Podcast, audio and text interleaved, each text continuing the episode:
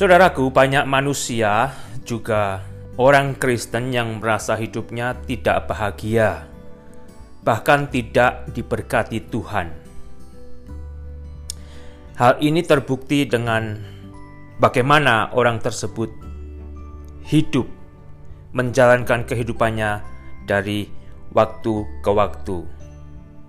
Tidak ada wajah bahagia, sukacita yang ada adalah wajah keluh kesah dan kesusahan. Tetapi lain halnya saudara dengan seseorang karena dia tahu bahwa dirinya diberkati Tuhan, dalam diri orang ini akan tumbuh rasa bahagia dan damai yang memampukan orang ini untuk hidup taat dan lebih mentaati firman Tuhan. Mungkin kita juga memiliki ukuran yang berbeda dalam mengkategorikan kebahagiaan. Tetapi ada satu syarat yang tidak bisa dibedakan oleh manusia berlaku sama di mata Tuhan tentang kebahagiaan atau hidup dalam keberkatan Tuhan yang salah satunya terdapat di dalam Mazmur pasal pertama ayat 1 sampai dengan ketiga yang demikian bunyinya akan saya bacakan. Berbahagialah orang yang tidak berjalan menurut orang fasik, yang tidak berdiri di jalan orang berdosa, dan yang tidak duduk dalam kumpulan pencemooh. Tetapi yang kesukaannya ialah Taurat Tuhan, dan yang merenungkan Taurat itu siang dan malam. Ia seperti pohon yang ditanam di tepi aliran air, yang menghasilkan buahnya pada musimnya, dan yang tidak laut daunnya, apa saja yang diperbuatnya berhasil. Itulah saudara, bunyi firman Tuhan yang berisi syarat bagaimana seseorang akan berbahagia di dalam berkat Tuhan. Mungkin saudara pernah bertanya-tanya terhadap diri sendiri atau bahkan bertanya kepada Tuhan. Mengapa ya Tuhan hidupku ini kok terasa susah, terasa berat, bahkan hidupku ini lebih melarat daripada mereka yang hidupnya tidak bertuhan. Maksudnya yang hidupnya menghalalkan segala cara untuk mengeduk keuntungan sebanyak mungkin. Ya, hidup di dalam ketidakbenaran. Mereka ini nggak perlu ke gereja, mereka ini nggak perlu ke persekutuan, mereka ini nggak perlu kasih uang buat persembahan. Sehingga apakah benar Tuhan jikalau aku hidup menuruti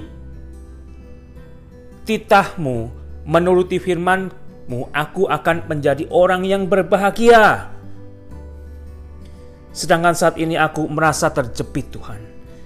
Bahkan aku merasa tersakiti melihat orang-orang yang hidupnya tidak bertuhan ini melakukan kejahatan, tetapi mereka berhasil Tuhan.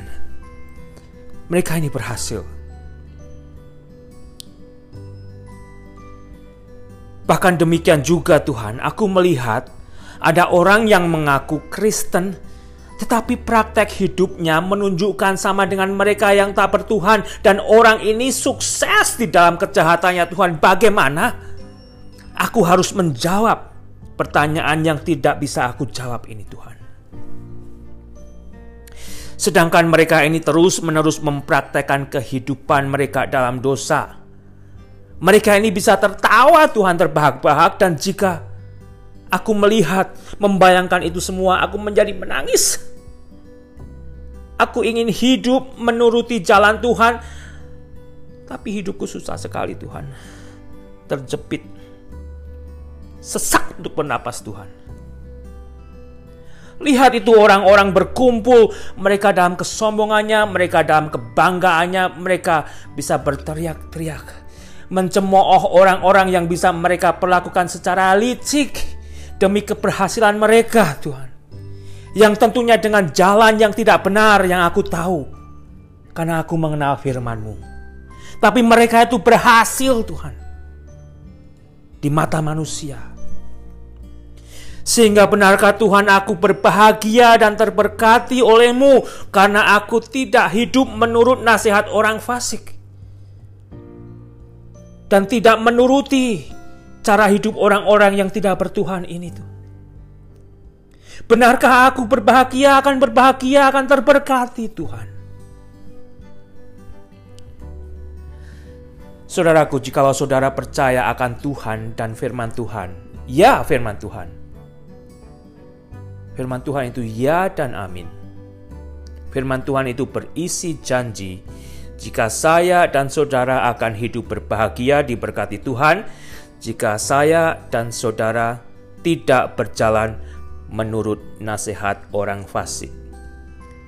Jika saya tidak berjalan mengikuti jalan orang yang tidak bertuhan ini, mengikuti jalan yang tidak benar. Saya dan saudara akan berbahagia jika kembali saya dan saudara tidak hidup mengikuti jalan dan nasihat orang fasik ini. Itu adalah janji firman Tuhan sendiri di dalam Mazmur pasal yang pertama tadi yang saya sudah bacakan Demikian juga kita akan berbahagia, saudara, dan diberkati Tuhan jika kita tidak mempraktekkan dosa dan bersekutu di antara mereka yang mencemooh Tuhan dengan perilaku hidupnya. Saudara akan berbahagia jika saudara juga tidak mempraktekkan dosa dan tidak bersekutu dengan mereka yang mencemooh Tuhan. Tentunya dengan perilaku hidupnya. Belum tentu mulutnya mencemooh Tuhan, bahkan mungkin saudara mulutnya memuji Tuhan, tetapi kelakuan orang ini mencemooh Tuhan. Mereka ini boleh mengaku jika mereka percaya Tuhan, tetapi perilaku hidupnya mencemooh Tuhan. Jangan bersekutu dengan orang-orang yang demikian.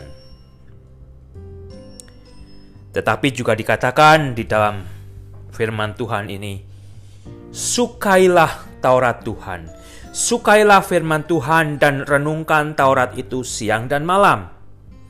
Jadikan Taurat Tuhan itu bagaikan kehidupan yang menjadi hidup saudara dari detik demi detik. Baca dan renungkan firman Tuhan setiap hari saudara Jangan merasa saudara sudah pernah membaca habis semua kitab suci beberapa kali dan merasa tidak perlu lagi membaca dan merenungkan kembali setiap hari, bahkan beberapa kali dalam sehari. Kita, saudara, harus menyadari, meskipun sebagian ada yang memiliki otak yang tajam, yang cerdas, bisa mengingat isi kitab suci dalam jangka waktu yang lama, tetapi ketahuilah saudara, Taurat Tuhan itu hidup, firman Tuhan itu hidup. Artinya akan berbicara kepada saya dan kepada saudara ketika, ketika kita membacanya kembali. Kita baca kembali, kita baca kembali, dan firman Tuhan itu, Taurat Tuhan itu hidup dan tetap berbicara. Mungkin akan berbicara dalam hal yang sama, jikalau itu memang kita perlukan, atau mungkin akan berbicara tentang hal yang lain yang baru kepada saya dan kepada saudara sesuai dengan kerja Roh Kudus yang dikomunak, dikomunak, dikomunikasikan kepada saya dan saudara. Sadarlah juga saudara sebagai manusia perlu terus diajar oleh kitab suci dan diingatkan banyak kali karena karena natur saya dan saudara sebagai manusia ini sudah terkorupsi oleh dosa. Bayangkan jikalau saudara dan saya hanya mandi satu kali aja dalam hidup ini atau bahkan katakan saya dan saudara sudah mandi sebanyak 100 kali lah kan saya sudah mandi sebanyak 100 kali lebih dari cukup sehingga di sisa hidup saya dan sisa hidup saudara yang mungkin masih 10 tahun, 20 tahun, 30 tahun, 40 tahun itu tidak perlu mandi lagi. Apa jadinya saudara? Apa jadinya? Kalau kita mempraktekkan hal yang demikian. Ya jadinya saya dan saudara akan terkena penyakit. Bahkan kalau penyakit itu sampai parah bisa menyebabkan kematian karena tubuh saya dan saudara yang sudah tidak mau mandi lagi ini karena merasa sudah mandi satu kali cukup, akhirnya diselimuti oleh kotoran, bakteri dan banyak macam kontaminasi ya. Karena kita hidup di dunia yang penuh dengan kotoran dan kontaminasi. Setelah sekali dibasuh bersih oleh firman Tuhan, saya dan saudara demikian juga harus terus dilanjutkan. Harus dibasuh tiap hari. Bahkan beberapa kali mungkin kita perlu dibasuh oleh firman Tuhan dalam sehari. Lebih-lebih jikalau saya dan saudara hidup di dalam lingkup yang sangat terkontaminasi, banyak sekali polusi. Saya dan saudara harus lebih sering membersihkan diri. Saya dan saudara harus lebih sering dibasuh oleh firman Tuhan. Dan dengan membaca dan merenungkan Taurat Tuhan setiap hari, selain akhirnya kita mengerti isi totalitas kitab suci yang menjadi fondasi kebenaran dan pengajaran dalam hidup kita, kita juga terus diperbaharui oleh firman Tuhan saudara dari hari ke hari. Kita hidup dalam dunia yang gelap. Bahkan sebagian dilingkupi oleh kegelapan yang sangat gelap. Biarlah saudara cek kiri kanan saudara, belakang depan saudara, apakah penuh dengan terang atau penuh dengan kegelapan. Dan firman Tuhan menjadi pelita dalam kegelapan, sehingga kita tahu jalan selamat yang harus kita lewati. Jika kita melakukan apa yang Taurat Tuhan perintahkan, kita juga akan menuai buah seperti yang dijanjikan. Kita diibaratkan oleh firman Tuhan sebagai pohon yang ditanam di tepi aliran air, saudara. Tidak pernah kering dan selalu terbasahi oleh air ya. Dan jika kita terus disiram bahkan kungkum di dalam Taurat Tuhan, meskipun kita melakukan aktivitas kita sehari-hari dan tidak bisa membuka Alkitab, tidak bisa membuka telepon saudara untuk membaca kitab suci, tetap firman Tuhan itu tidak lepas melandasi otak saudara, hati saudara di dalam melakukan aktivitas yang saudara lakukan dari waktu ke waktu. Sama halnya, firman Tuhan itu membasahi apa yang kita jalani dari sehari demi sehari sehingga di situ pun yang kita jalani semuanya tercuci bersih oleh firman Tuhan dan kita tahu yang kotor-kotor bisa kita buang. Pada waktunya saudara, bukan waktu kita, bukan waktu saya, bukan waktu saudara, tapi tiap pohon memiliki waktu yang normal untuk berbuah jika segala peraturan pemeliharaannya diikuti dilakukan, kita juga akan membuahkan buah yang Tuhan janjikan pada musimnya, ya, pada musimnya.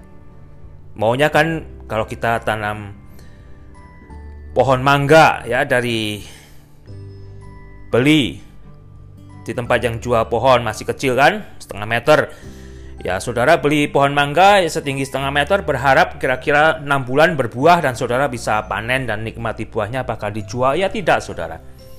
Perlu pemeliharaan, pemupukan yang sewajarnya untuk menghasilkan buah pada musimnya.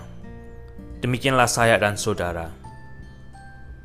Kita harus terus dibahasahi, kita harus terus dipelihara di dalam Taurat Tuhan di dalam firman Tuhan, sehingga pada musimnya kita akan membuahkan buah yang Tuhan janjikan. Daunnya pun tidak akan layu, saudara. Bahkan akhirnya apa saja yang diperbuatnya berhasil.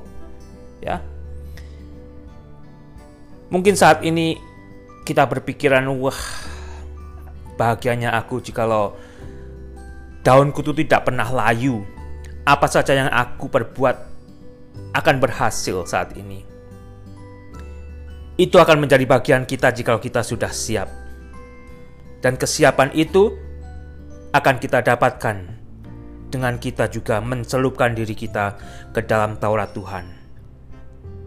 Setiap hari, setiap jam, setiap detik.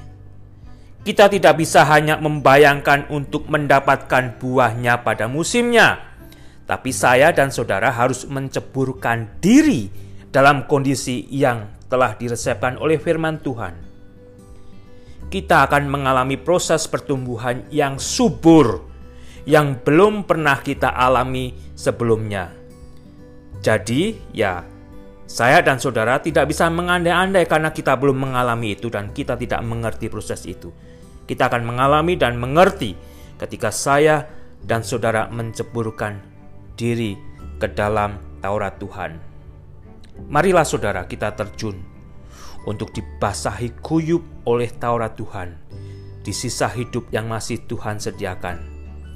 Jangan disia-siakan janji Tuhan, maka kita akan menjadi orang-orang yang berbahagia dan diberkati Tuhan.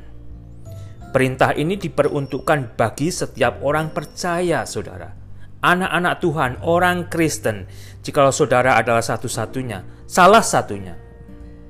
Jikalau saudara adalah salah satunya, saudara orang percaya, orang Kristen, orang yang menjadi anak Tuhan, perintah ini untuk saudara, perintah ini untuk saya, ya. Lebih-lebih lagi jikalau saudara terlibat dalam pelayanan gereja, dalam kepengurusan gereja atau kemajelisan gereja harus mentaati perintah ini agar buahnya pun menjadi pujian dan kemuliaan bagi nama Tuhan. Haleluya, saudara. Amin.